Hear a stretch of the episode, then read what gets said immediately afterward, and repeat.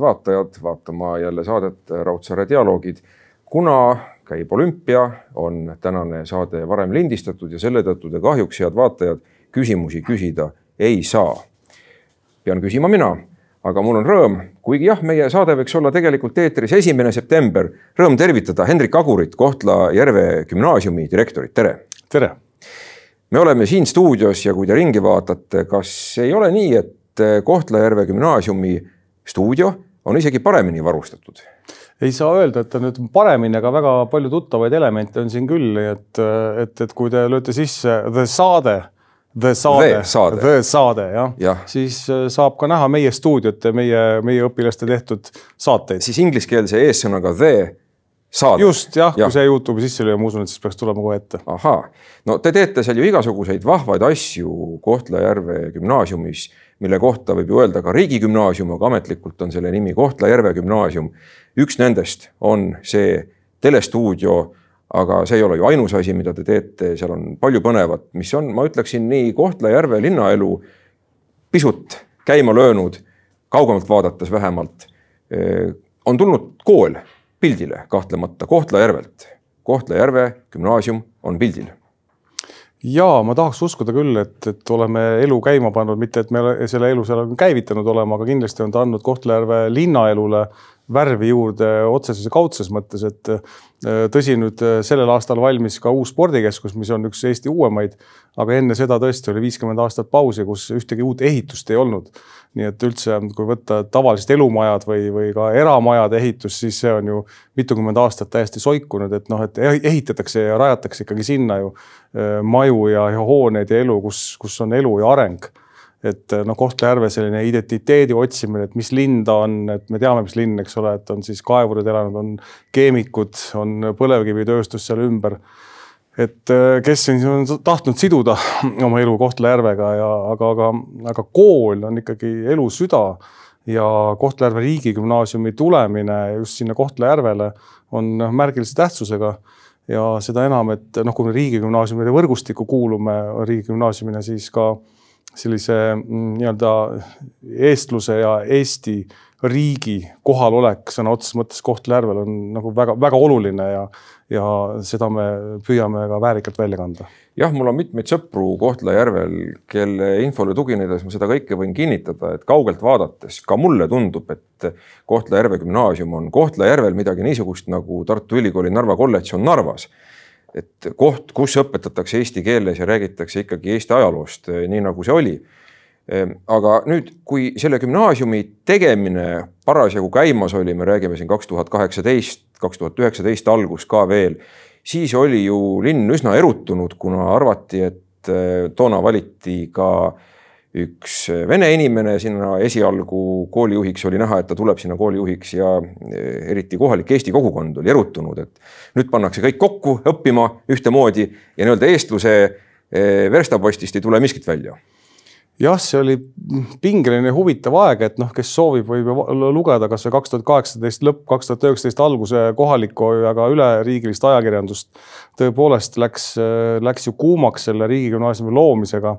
Et äh, muidu väga tubli inimene, kes oli esimeseks koolijuhiks valiti, endine siis äh, kohaliku vene, äh, venekeelse slaavi kooli direktor ehm, ma arvan, et tema võib-olla sõnumid ei olnud küllaltki selged seal alguses ja ja, ja tegelikult läks ka liikvele retoorika võib-olla vene koolidest, mida ma olen tagantjärgi kuulnud, et kõik jätkub samamoodi, meie gümnaasiumiosa pannakse kinni, aga lihtsalt tuleb uus maja, riik ehitab uhke ja uue maja aga noh, selline sõnum retoorika e, kohalikule Eesti kogukonnale loomulikult ei sobinud, sest et Järve, endine Järve gümnaasium, gümnaasiumiosa pandi kinni ja mõeldi, et aga mis siis saab äh, eesti emakeelega õpilastest ja mis saab üldse eesti keele õpetamisest. ja see muidugi viis äh, nii-öelda kogukonnas sellise no väga konfliktse olukorrani, et noh, see on nagu pikk jutt, miks see nii läks. aga no tulemused, tulemuseks astus direktor tagasi.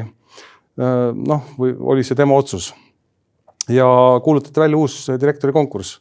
ja see tundus huvitav? see tundus väga huvitav jah, et ma olin just äh, jätnud ühe kooli selja taha. Gustav Adolfi gümnaasiumi. gümnaasiumi mm -hmm. ja olin suundunud äh, Haridus-Teadusministeeriumisse tööle, et riigigümnaasiumi, äh, riigigümnaasiumide rajamist koordineerima aga see hetk tundus, et äh, see on ikkagi minu õige koht ja ma ei tundnud ka ennast üldse hästi väljaspool kooli. Ja ma arvan, et see, see oli õige hetk ja, ja siin siis toona kandideerisin ja ma nägin, et see on see koht, kuhu ma pean minema, nii et täiesti mitte mingisuguseid seoseid varem Ida-Virumaaga olnuna lihtsalt sealt läbi sõitnud ma nägin, et see on see, mida tuleb minna tegema ja ma arvan, et nüüd, kui hakkab kolmas aasta täis saama, on omajagu kogemust, omajagu äh, vitsu saadud nii-öelda ja ka võib-olla ka mingil määral teatud edu ikkagi toodud ja mingit uut, uut hingamist. no minu meelest edu on vaieldamatu, et eh, nagu ma ennist ütlesin, et kool on tulnud Eestis pildile Kohtla-Järvelt linnast no mille kohta ülejäänud Eesti väga positiivseid sõnumeid pole ju harjunud saama paraku aga nüüd kaks tuhat viis, kaks tuhat kaheksateist olite Kohtla-Järve, vabandust, Gustav Adolfi gümnaasiumi direktor, mida me juba siin nentisime. sealt läksite haridusministeeriumi, tegelesite tol hetkel siis jah, riigigümnaasiumite võrgustiku koordineerimisega, aga fookus oli Tallinnal pigem, jah, mitte Ida-Virumaal nii et, et ikkagi see Ida-Virumaa tuli sellise ilmselt tõesti väga huvipakkuva võimalusena minna ja ennast proovile panema ja mulle tundub, et üks komponent võis olla seal ka see, et see oli suuresti ikkagi puhas leht. Öeldi, et tule, võta, hakka tegema, ressursid on võimsad või noh, nii kuivõrd, niivõrd nii, aga ikkagi. jah, rääkisite peaaegu nüüd pool, pool lugu ära, et nii see oli. et äh, toona tundus see huvitav väljakutse ja ausalt öeldes noh, võib-olla, et enamusele, noh, te räägite ka praegu nagu väga kuidagi aupaklikult, et nüüd me oleme tohutu asja seal teinud, ei, me oleme ikkagi teeraja alguses.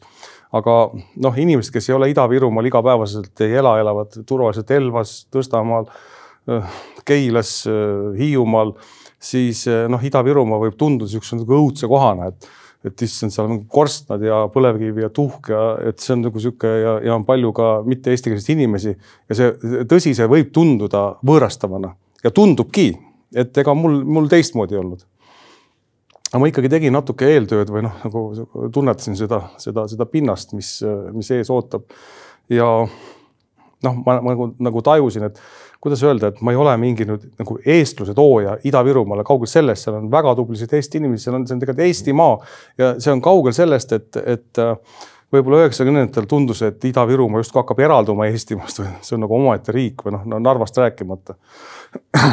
ei, see võis olla mõni aeg tagasi nii, täna kaks tuhat kakskümmend kaks on Ida-Virumaa, Kohtla-Järve, kogu see piirkond puhas, selge Eestimaa ja ma seda võin kinnitada, seda nii Eesti, loomulikult Eesti kui venekeelsete inimeste seas. nii et need ajad on tegelikult pöördumatult muutunud, on uued põlvkonnad peale tulnud ja need Eesti riigi vastased, kes väidetavalt istuvad Vene propaganda telekanalites ja hauduvad nii-öelda rusikas taskus, et millal Eestis võim kukuks või vähemalt Ida-Virumaa. noh, ma kinnitan oma selle killukestest kokku pandud pildiga, need ajad on möödas. jah, ma usun ka, et kuna ma olen ise töötanud Tartu Ülikooli Narva kolledžis, siis ma tean, et see asi ei ole nii ühene, et kõik oleksid putinistid, kes vaatavad Vene telekanaleid, aga Vene telekanaleid siiski paraku vaadatakse Ida-Virumaal. mis kanalid on need, mida teie kogemuse põhjal veel vaadatakse, kust Eesti kohta infot saab see inimene, vene inimene Virumaal? tead, ma ei ole ka ausalt öeldes selle üle väga diskuteerinud, et äh, noored äh, igal juhul vaatavad järjest enam äh, Eesti kanaleid ja noh, reitingud ka näitavad ju, et ka ETV Pluss on isegi läinud venekeelsete inimeste seas juba populaarsemaks. aga mm, võib-olla selle tausta kohta veel nii palju, et äh, Jõhvi, minu Jõhvi kirjutas endine Jõhvi põhikooli äh, Noored kooli programmi kaudu tulnud õpetaja ja ta kirjutas kusagil seal raamatu tagaosas sellise kokkuvõtte. See noh, ma umbes nagu tsiteerin seda, kõlas, kõlas umbes nii, et ja see äh, vaenukirves, mis on äh, eestlaste ja venelaste vahel, ähm, see on ainult äh, jäänud vanemate inimeste pähe. et ühesõnaga tahetakse nagu näha veel mingisugust konflikti eestlaste venelaste vahel või eesti-vene noorte vahel, seda enam pole pole rahvuste vihkamist, et need on jäänud võib-olla tõesti mingid nõukameelsete vananevate inimeste pähe, kes nagu tahavad seda tonti ja seda erisust kogu aeg nagu näha väga, et, et aga seda ei ole enam no kaheksakümnendatel muidugi võis tõesti peksa saada õhtul, kui sa seal eesti keelt rääkisid, see just. oli täitsa reaalsus. aga praegu seda enam ei ole. meil käis Riho Terras just nädal-paar tagasi õpilastele rääkimas, kes on Kohtla-Järvelt, no toona siis Jõhvist pärit. ütles, ta elas kogu oma lapsepõlve viiesaja meetri raadius, käis koolis, lasteaias ja oli noh, tegu ainult, et kogu aeg noh, venelaste, eestlaste vahel noh mm -hmm. peksa ei saaks omavahel.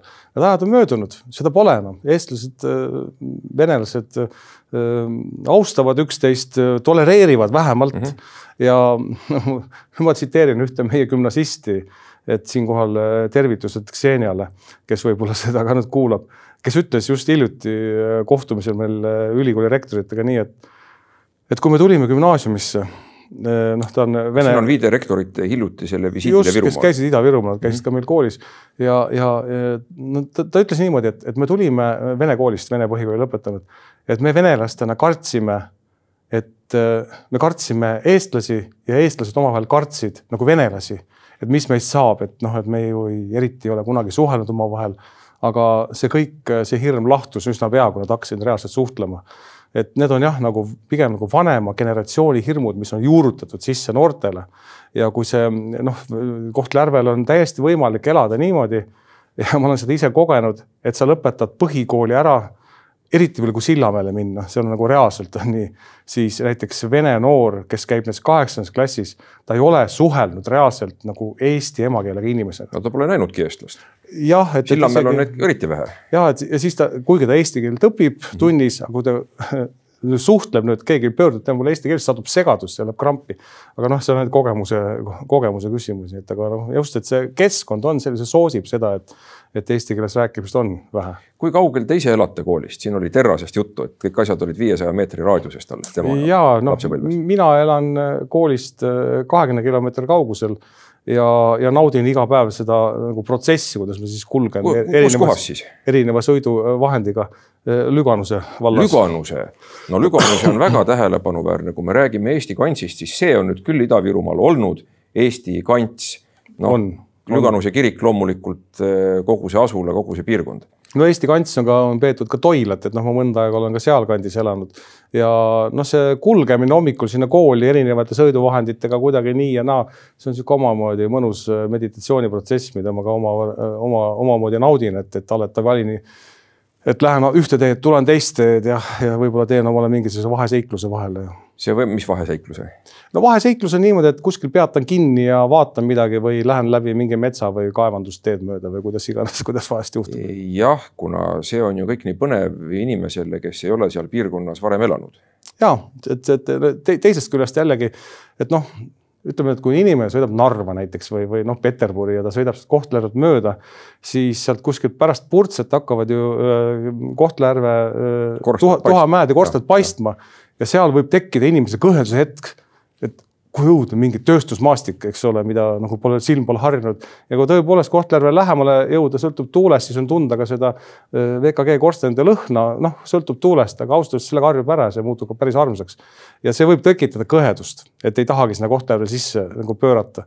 aga noh, mina olen Kohtla-Järvest leidnud äh, ja, ja tõesti nagu see on kena linn tõsiselt noh, võib-olla e-, esialgu ehmatav. Nad said uue promenaadi valmis muidugi, see on tõsi, see on päris kena. ja rahvapark on, on metsapark, omad sellised toredad rajad ja, ja tegelikult on väga vahva.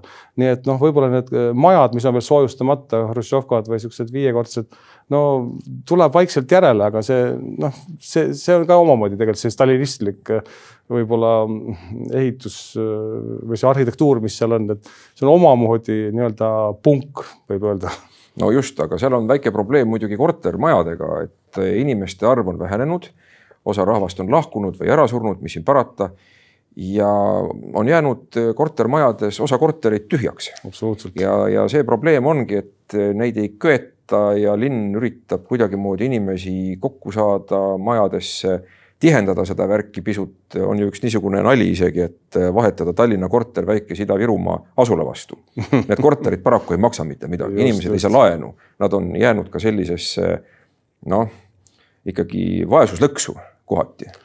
ja see on tõsi jah, et ma ei tea, kas ma küsin ise, et kas te kaks aastat tagasi teate, mis oli enampakkumisel odavaim või alghind korteril? ma pakun, et see oli viissada eurot võis saada kahetoalise korteri. valesti pakkusite praegu. isegi jah ja.? vähem veel või? jah, viiskümmend. oli allhind, aga noh, muidugi need korterid muidugi ei kannata kriitikat ka, aga noh, see näitab tõepoolest seda taset, et jah, kinnisvara hind on nagu madalaim Eestis. ja minu, minu jaoks on nagu indikaator see, et, et millal tuleb esimene perekond või inimene, kes ehitab sinna näiteks eramaja Mm -hmm. sest noh, eramaja ehitusse tahab ju mentaalselt viia sellesse seisundisse, et magi usku, usun sellesse piirkonda, ma usun sellesse, sellesse paika. et see on väga-väga huvitav, ma vahest jälgin ka, seal on väga mõnusad siuksed eramurajoonid, eramurajoonid ka, kuhu on noh, ma väidan, ma võin eksida praegu, aga võib-olla tõesti noh, nelikümmend aastat tagasi ehitati viimane eramaja nagu uuena. nüüd nad on kõik vananenud, nad jätkavad oma sellist toimetamist ja see on nagu huvitav indikaator tegelikult iseenesest. jah, ega uut elurajooni ei ole eramute rajooni Kohtla-Järve lähedal küll, see on tõsi. aga see, see nüüd ongi see, et miks, millest see sõltub, eks ole, see sõltub. heast sellest... koolist peab olema esiteks hea kool. kindlasti, mitte ainult üks, vaid ka teised, kogu see võrgustik, eks ole, see noh, et kuhu ikkagi inimene tahab ja usaldab oma last panna. ja see ju loob uusi väärtusi, et seal on ka, mida teha, kuhu minna mida panustada siis tekib ka see elu sinna juurde, nii et, et vaikselt on nagu hakkame peenega nii-öelda peale. no peab olema ka kool, lisaks koolile peab olema ka töö. ja see nüüd on Kohtla-Järve üks probleem, mis samas on ka tohutu võimalus, kuna inimeste, kui me nüüd Eestist räägime, teeme sammu korraks tagasi, ütleme Eesti puhul on probleem see, et tahetakse teha kanala või midagi muud, öeldakse, et mitte minu tagahoovi Kohtla-Järvel sellist probleemi pole Ida-Virumaal tervikuna, inimesed ütlevad, oo, tööstus on hea, me tahame tööstust aga probleem on see, et seda tööstust eriti uut ei tule, noh, mõned näited on, aga mitte väga palju. no on tulemas nüüd tuulegeneraatorite tehas, eks ole, suur, kus on mm. mitusada, ma ei, võin eksida, aga mitusada töökohta. nii et äh, vaikselt-vaikselt on ikkagi arenemas, et, et kui noh, nähakse perspektiivi investeerida sinna mm. -hmm. ja no eks see toob kaasa, nagu öeldakse, kus on, sinna tuleb juurde niisuguse kriitilise massi kogunemise ühel hetkel, et mida me ju nägime viimaste valimiste aegu, oli ka see, et peaaegu oleks aastakümneid Kohtla-Järvet valitsenud seltskond, millega on kaasnenud teatav niisugune no ikkagi sumbumine, oleks peaaegu vahetunud. ja, ja, ja teie kandideerisite samuti, aga saite volikokku, ma saan aru, siis selle poole poolt, kes tahtis teatud õhuvahetust saada. Jah, et olen jah, Kohtla-Järve volikogu liige ja see on omamoodi huvitav, huvitav kogemus et tõepoolest, et äh, noh, minuga koos on ka selle meie valimisliit, me hakkasime mingit valimispropagandat tegema no,. praegu pole on ka valimiste aeg, võib teha rahulikult. et, et polegi vahet, eks ole, selle, selle Restardi nimekirjas oli ka Mare Roosileht, kes on äh, TalTech Virumaa kolledži direktor. ja noh, ilma temata, kui ta ei oleks kandideerinud, vaevalt, et ma oleks, et tegelikult. tõmbas kaasa. moodustasime noh, teatud mõttes nagu tandemi, sest et äh, noh, ta oli ka nagu, ta oli ka puhas läbinisti haridusinimene, eestimeelse haridusinimene, et, et meil on selline jah, selline äh, väga mõnus äh, seltskond tegelikult saanud sinna, kes ikkagi tahab nüüd pöörata tähelepanu sellele Kohtla-Järvele haridusele, kohalikule haridusele.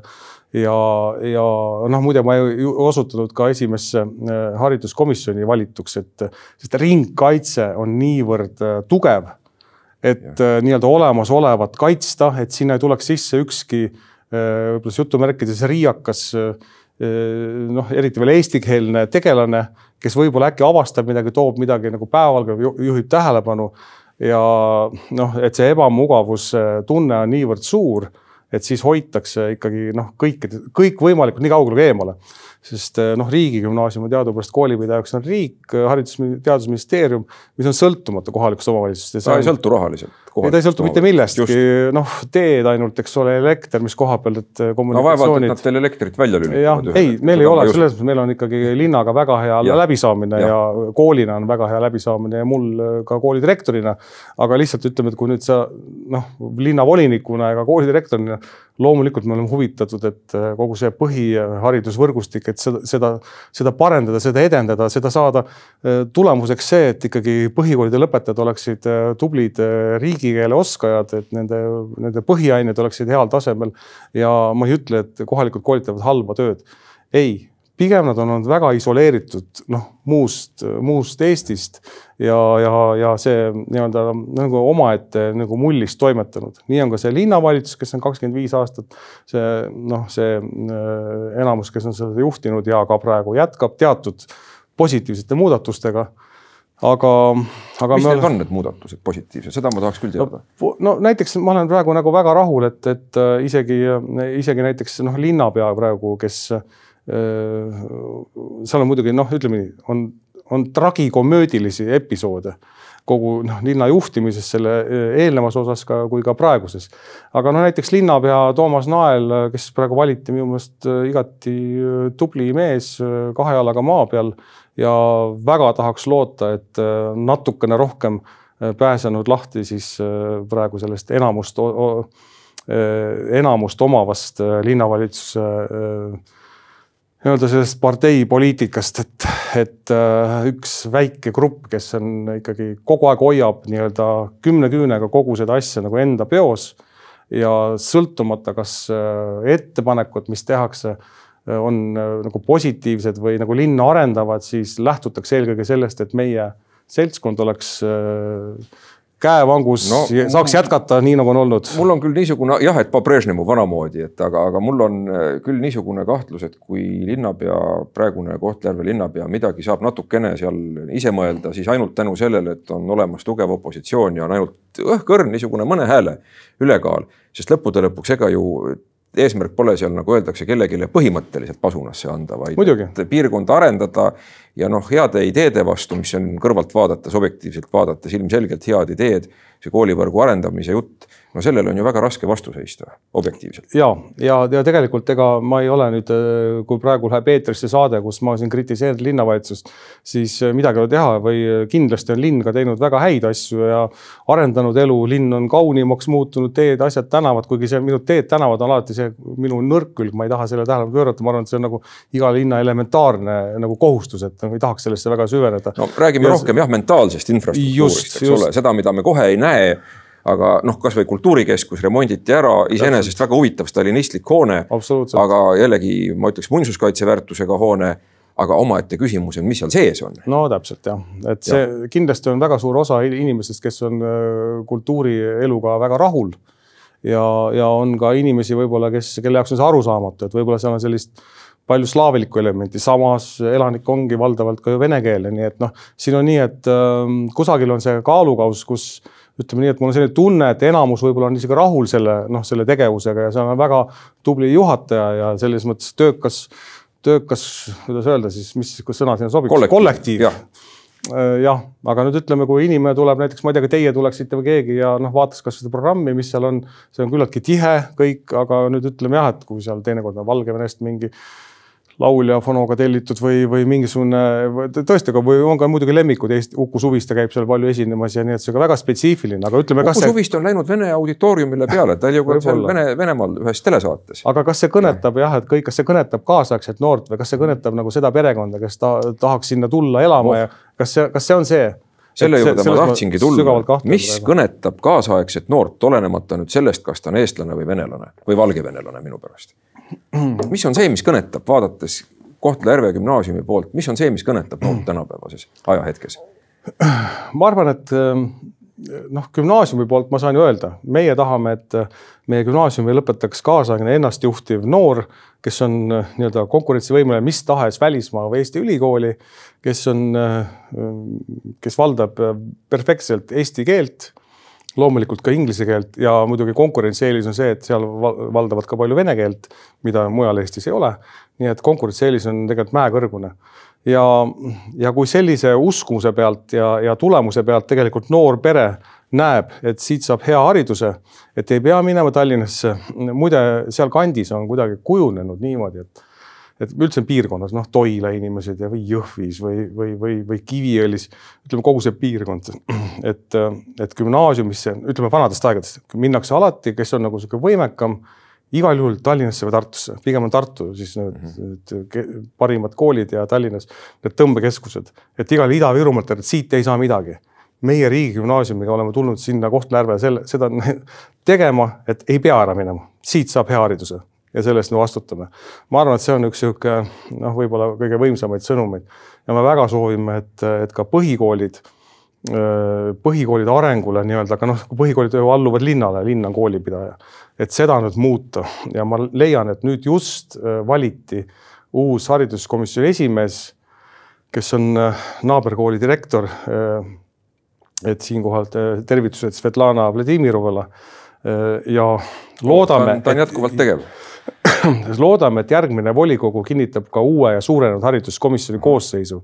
et me tahame sisuliselt minna nii-öelda käed panna sinna äh, hariduse sisusse ja selle kaudu mitte nüüd kritiseerides, vaid äh, ka luua kaasaegne arengukava äh, Kohtla-Järve haridusele, et seal toimuksid sisulised muudatused. mitte ainult, et meil ringkaitse, et meil mituteist või mitukümmend aastat samad direktorid on ametis ja nad jätkavad täpselt samamoodi, nagu on olnud, et noh, see peab muutuma. no aga, aga mis oleks need kolm asja? Klassikaline küsimus, mida saaks kohe, kui oleks võimalus ära teha, et, et see haridusmaastik oleks tänapäevane ja innovaatiline ja mm, -hmm. ja noortele hea kui meil on venekeelsed koolid, eks ole, valdavalt on vene, üks on eestikeelne põhikool ja siis kolm on venekeelset põhikooli. noh, pluss erakool Intellekt. no ütleme nii, et nii mõneski koolis õnneks on juba juht vahetunud. Aga seda on nüüd natuke nagu piinlik välja öelda, aga, aga, aga aus et äh, koolide juhtimist on vaja muuta ja väga drastiliselt ja väga kiiresti. sest me ei saa minna noh, nii-öelda kui seal on kauaaegne juht ametis olnud, kes, kes on noh, oma nende teadmiste ja pagasiga tulnud äh, sõna otseses mõttes nõukogude ajast. jah, ta õpetatakse eesti keelt, jah, õpetatakse neid aineid, aga kas see kõik kaasaegne käsitlus, kas, äh, kas vaadatakse seda noort, kes elab aastal kaks tuhat kakskümmend kaks ja läheb esimesse klassi või lõpetab üheksanda klassi et siin on nagu palju-palju, mis on ajast, ajast ja arust maas no sellest ma saan aru, et, et on vahet, kui me räägime meediast, kas õpetada nüüd talle lineaartelevisiooni, seda vana televisiooni tegemist või podcast indust, et noored tahavad ikka moodsaid asju natuke. ja tõesti ju meedia tarbimine muutubki, noh, see oli lihtsalt näide selle kohta, et -hmm. kuidas elu ja meie peame koos selle eluga muutuma. aga noh, see oli üks asi, aga kaks asja äkki veel mida haridusmaastikul võiks, võiks teha Kohtla-Järvel mm -hmm.? noh, ka läbikäimine ülejäänud Eestiga tegelikult see, et, et meil oleks õpetajad, koolid, et neil oleks sõpruskoolid või noh, sõpruskool kõlab natuke nagu nostalgiliselt, aga et need, nad nagu suhtleksid maailmaga. et no ma küsisin ühe seal läheduses asuva kooli juhilt, et kas teil on ka mõni kontakt või kellega te läbi käite või Äh, mingisugune sõpruskool või kellega te suhtlete. see meenutas, et head aastal vist kaks tuhat neli oli Värskas vist ükskord kohtusime mm. -hmm. et noh, et selles mõttes, et see, ma ütlen, see ühes omas mullis olek, et see on nagu see, mis äh, on hästi pärssiv, aga noh, kaks niimoodi praegu kolm asja korraga öelda, jah.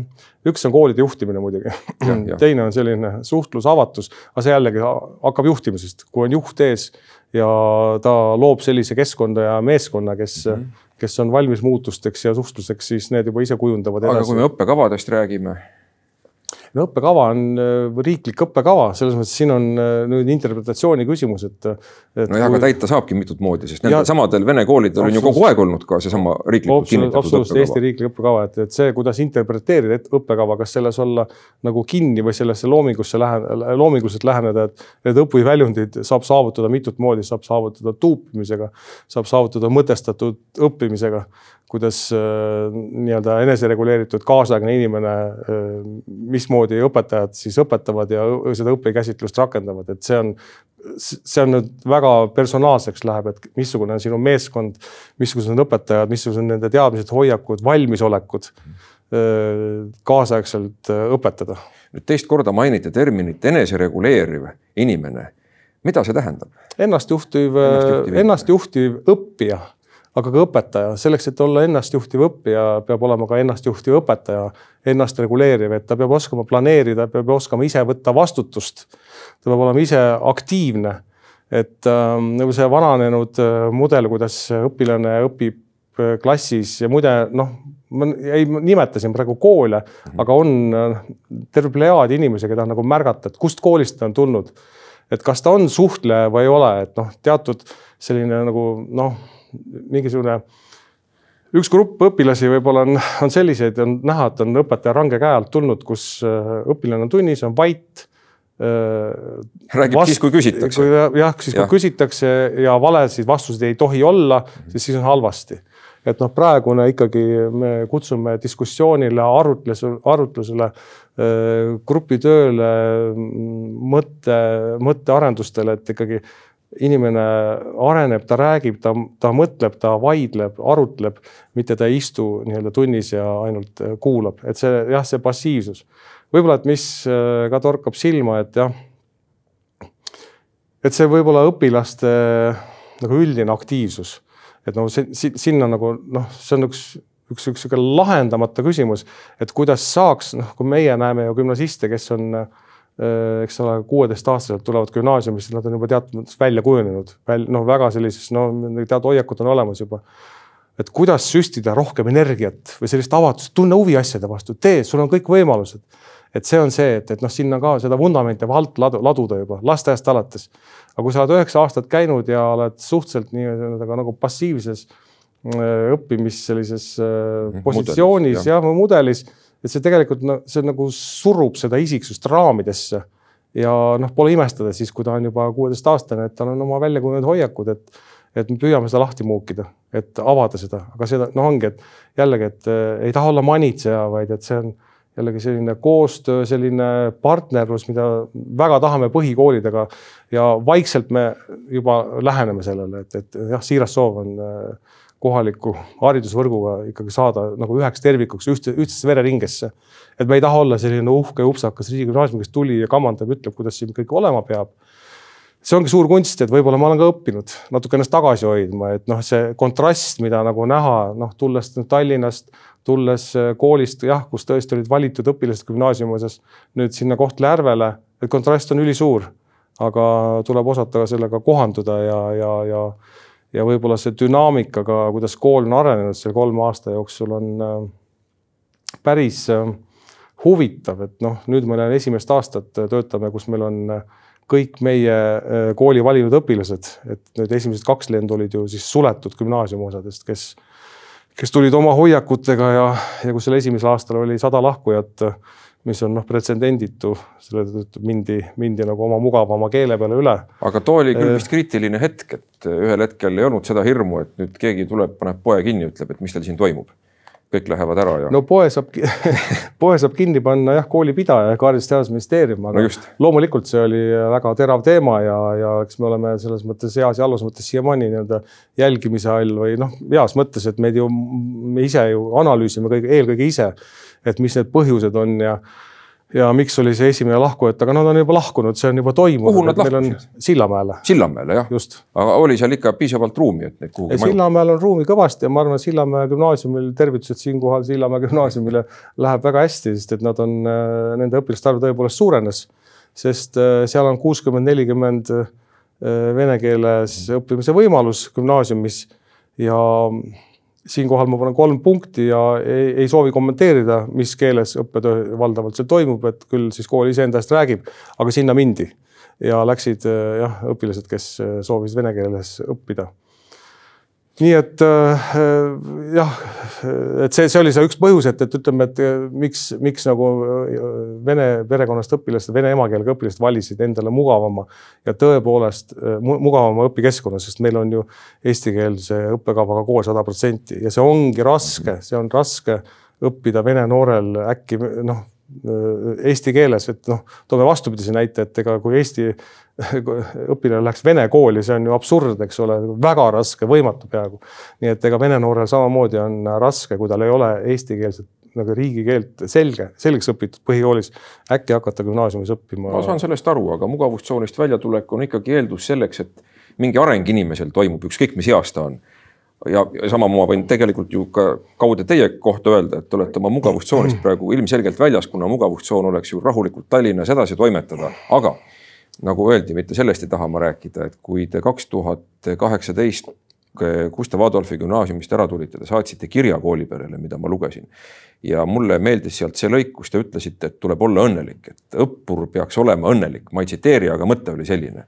et kuidasmoodi siis äh, nüüd teha õppureid õnnelikuks Kohtla-Järve gümnaasiumis, on nad õnnelikud? ma arvan küll, et äh, selleks tuleks äh, teil stuudioga korraks tulla külla meile ja, ja rääkige, rääkidagi õpilastega ja mitte nii, et äh, direktor valib välja, et räägi selle, sellega, vaid lihtsalt. valime esimesed kätte saada. jah, absoluutselt ja. juhu, juhuvalim, juhuvalimiga, et ma arvan, et noh, mul on nagu, ma lihtsalt nüüd räägin jällegi kasutades empaatiat, kuidas õpilased võiksid ennast tunda ma arvan, et nad on küllaltki koormatud, nii-öelda õppetööga koormatud aga keskkond, mida kool neile pakub, eelkõige läbi meie tublide õpetajate, kes on hästi, ma ütlen sõnaselgelt hoolikalt valitud ja nii-öelda jutumärkides läbi katsutud, et nad oleksid õiged inimesed õiges kohal, õigel kohal, et siis nad on need, kes pakuvad äh, parimal moel meie noortele tuge, nii et nad tunnevad ennast, äh, tunnevad ennast jah, nad peavad kõvasti pingutama, aga ma väga loodan, et nad tunnevad ka ennast õnnelikuna ja noh, kerge segadus, mis puudutab, eks ole, kõiki, kes hakkavad minema, lõpetama kooli ja, ja kõrgkooli omale valima, see on täiesti normaalne noore lõpet-, kooli lõpetava noore niisugune eluprotsess. aga et nad tunnevad ennast turvaliselt ja, ja ma julgen väita, et õnnelikult. aga on ikka õpetajaid valida kusagilt, et meil on ju Eestis see häda, et õpetajaid napib, võtame eriti teatud valdkonnad, matemaatikaõpetajad näiteks, et õpetavad kas päris pensionärid või pensionieelikud koolides hästi õpetavad matemaatikat, aga järelkasvu ei ole. Ja no sellele vastus on äh, lihtne, et äh, ma võiks kohe öelda, et jah, muidugi ei ole lihtne valida.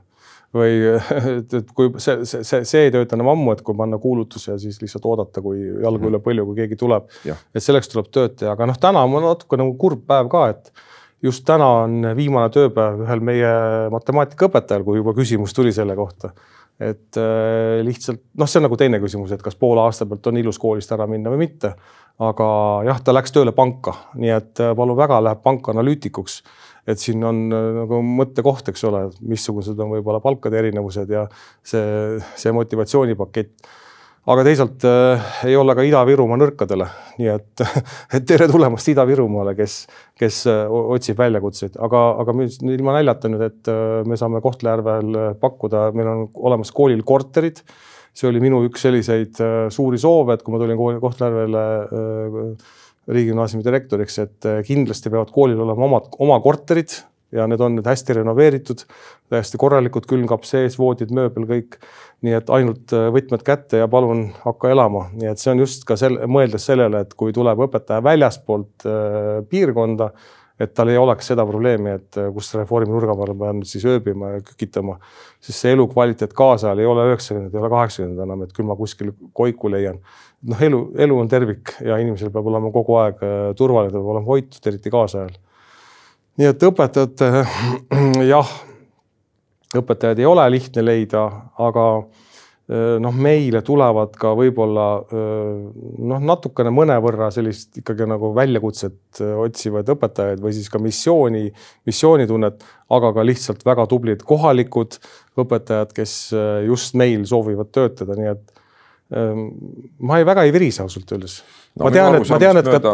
Teil on ka palgad suhteliselt head koolisüsteemist tervikuna no,? suhteliselt? suhteliselt jah, aga nad nüüd väga palju ka ei erine ülejäänutest, nii et, et äh, siin on küll, vaatan nõudliku näoga riigile otsa ja, ja, ja ootan, et need äh, õpetajate palgad ikkagi muutuksid äh, niivõrd atraktiivseks, et õpetaja ametikohal oleks konkurss. see on tähtis asi ja eriti tähtis on see, et ka äh, toetatakse eesti keeles ja eesti keele õpet Ida-Virumaal, mida minu meelest riik ei ole piisavalt toetanud, aga see selleks on teise saate teema, mille juurde me tulevikus saame kindlasti ka tulla. aga, aga kui me vaatame õpetajate põuda Eestis tervikuna, mida sellega teha? no kui Ongi me küsi, küsime praegu näiteks, äh, näiteks kaheksanda või seitsmenda klassi või üheksanda klassi õpilaselt, et, et äh, kelleks sa tahad saada ja kas selle nimistusse võiks mahtuda ka õpetajaamet, siis äh, need vastused on ju valdavalt ei.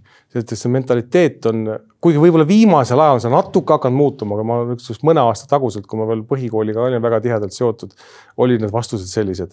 sest äh, ütleme, see mentaliteet, et õpetajaamet äh, ei ole prestiižne mm. -hmm. see noh, ma arvan, et praegu me oleme kusagil poole peal, et see hakkab nagu tõusu poole minema, et seda näitas ka nüüd ülikoolides see suur õpetaja ametikohale vastuvõtt aga, aga oota, mis see küsimus üldse oligi?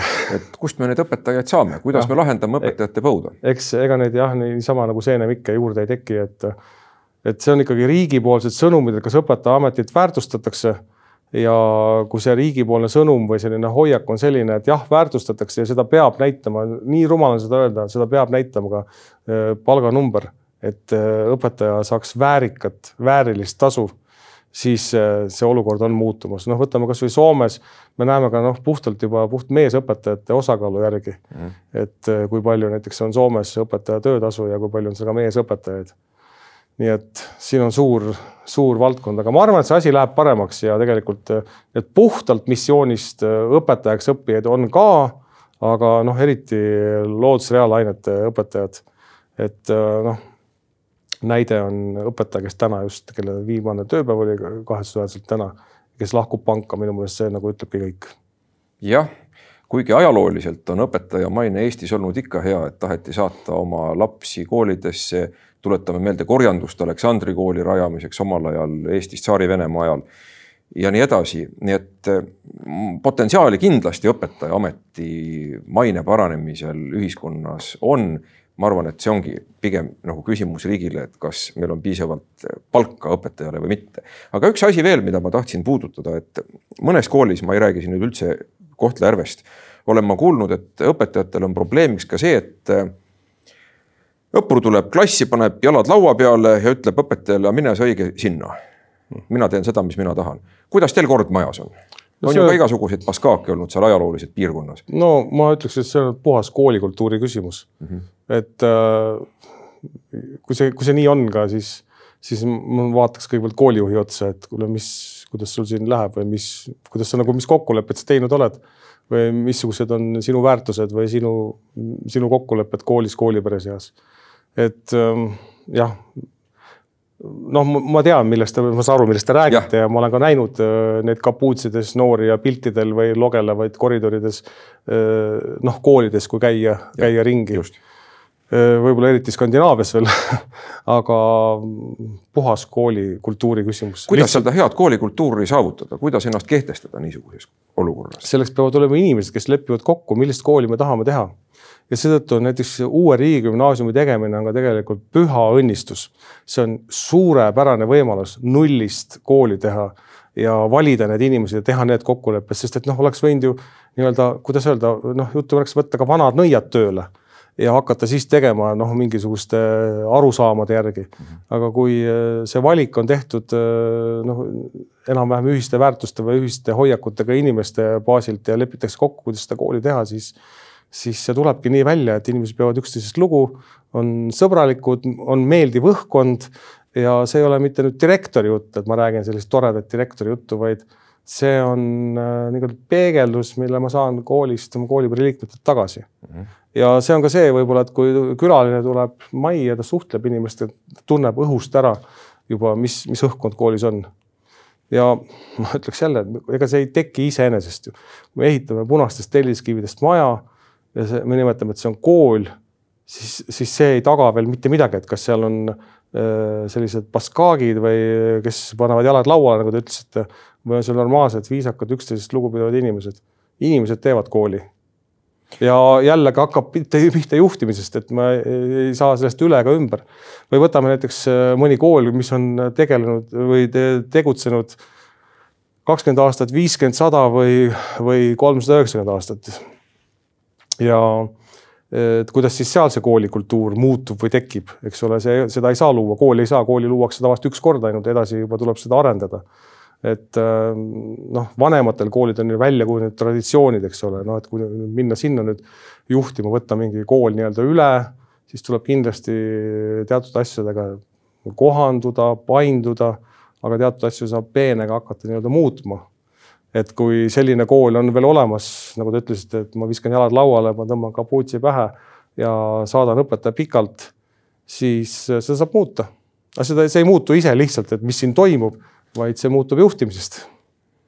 samm-sammult. just, et ähm, käised üles käärida ja hakata otsast peale, aga nüüd siis tuleb jällegi mängu see, et kui selline kool kusagil on, et siis ma küsiks, et miks selline kool on kas siis äh, kaasa lubatakse sellist kooli, kes lubab koolipidaja, koolipidajaks on tavaliselt kohalik omavalitsus. kas ta saab aru, millised koolid tal on, millised koolijuhid on, mis seal koolides toimub?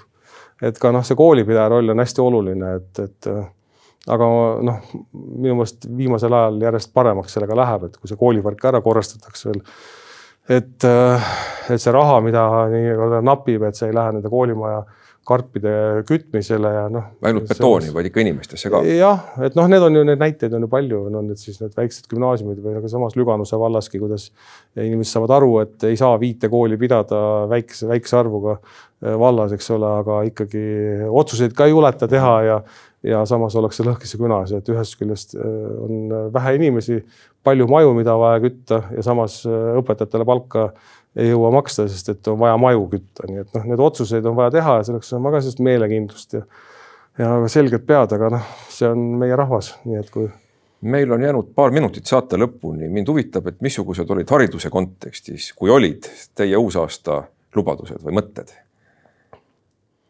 ma selliseid asju nagu ei ole enda jaoks sõnastanud, et noh, minu jaoks on see kool ja elu on selline äh, nagu üks, üks tervik, et ma olen hästi kuidagi orgaaniliselt sellest koolielust äh, läbi imbunud, et äh, noh, praegu kui ma hakkan nüüd mõtlema, et millised need lubadused võiksid olla, et et ma tahan endiselt teha väga head kooli Ida-Virumaal, kus inimesed tunneksid ennast õnnelikult, hästi motiveerituna, on üksteist toetavad ja tublid Eesti riigi kodanikud. Aitäh, Hendrik Agur, ainult jõudu selleks, väga hea soov, millega ma arvan, meie võime siin ühineda. Ja kindlasti ka televaatajad, nii et kui kellelgi tekkis mõtteid, et tahaks saata oma last Kohtla-Järvele gümnaasiumisse, kooli, mina ütlen selle peale, miks ka mitte. vähemalt telet teevad nad väga hästi, selles ma olen veendunud, kogu see meediaõpe on väga-väga hea. niisugune tänane saade oli ja järgmine nädal uus saade uue külalisega seniks olge hoitud, olge terved, kõike head teile. thank you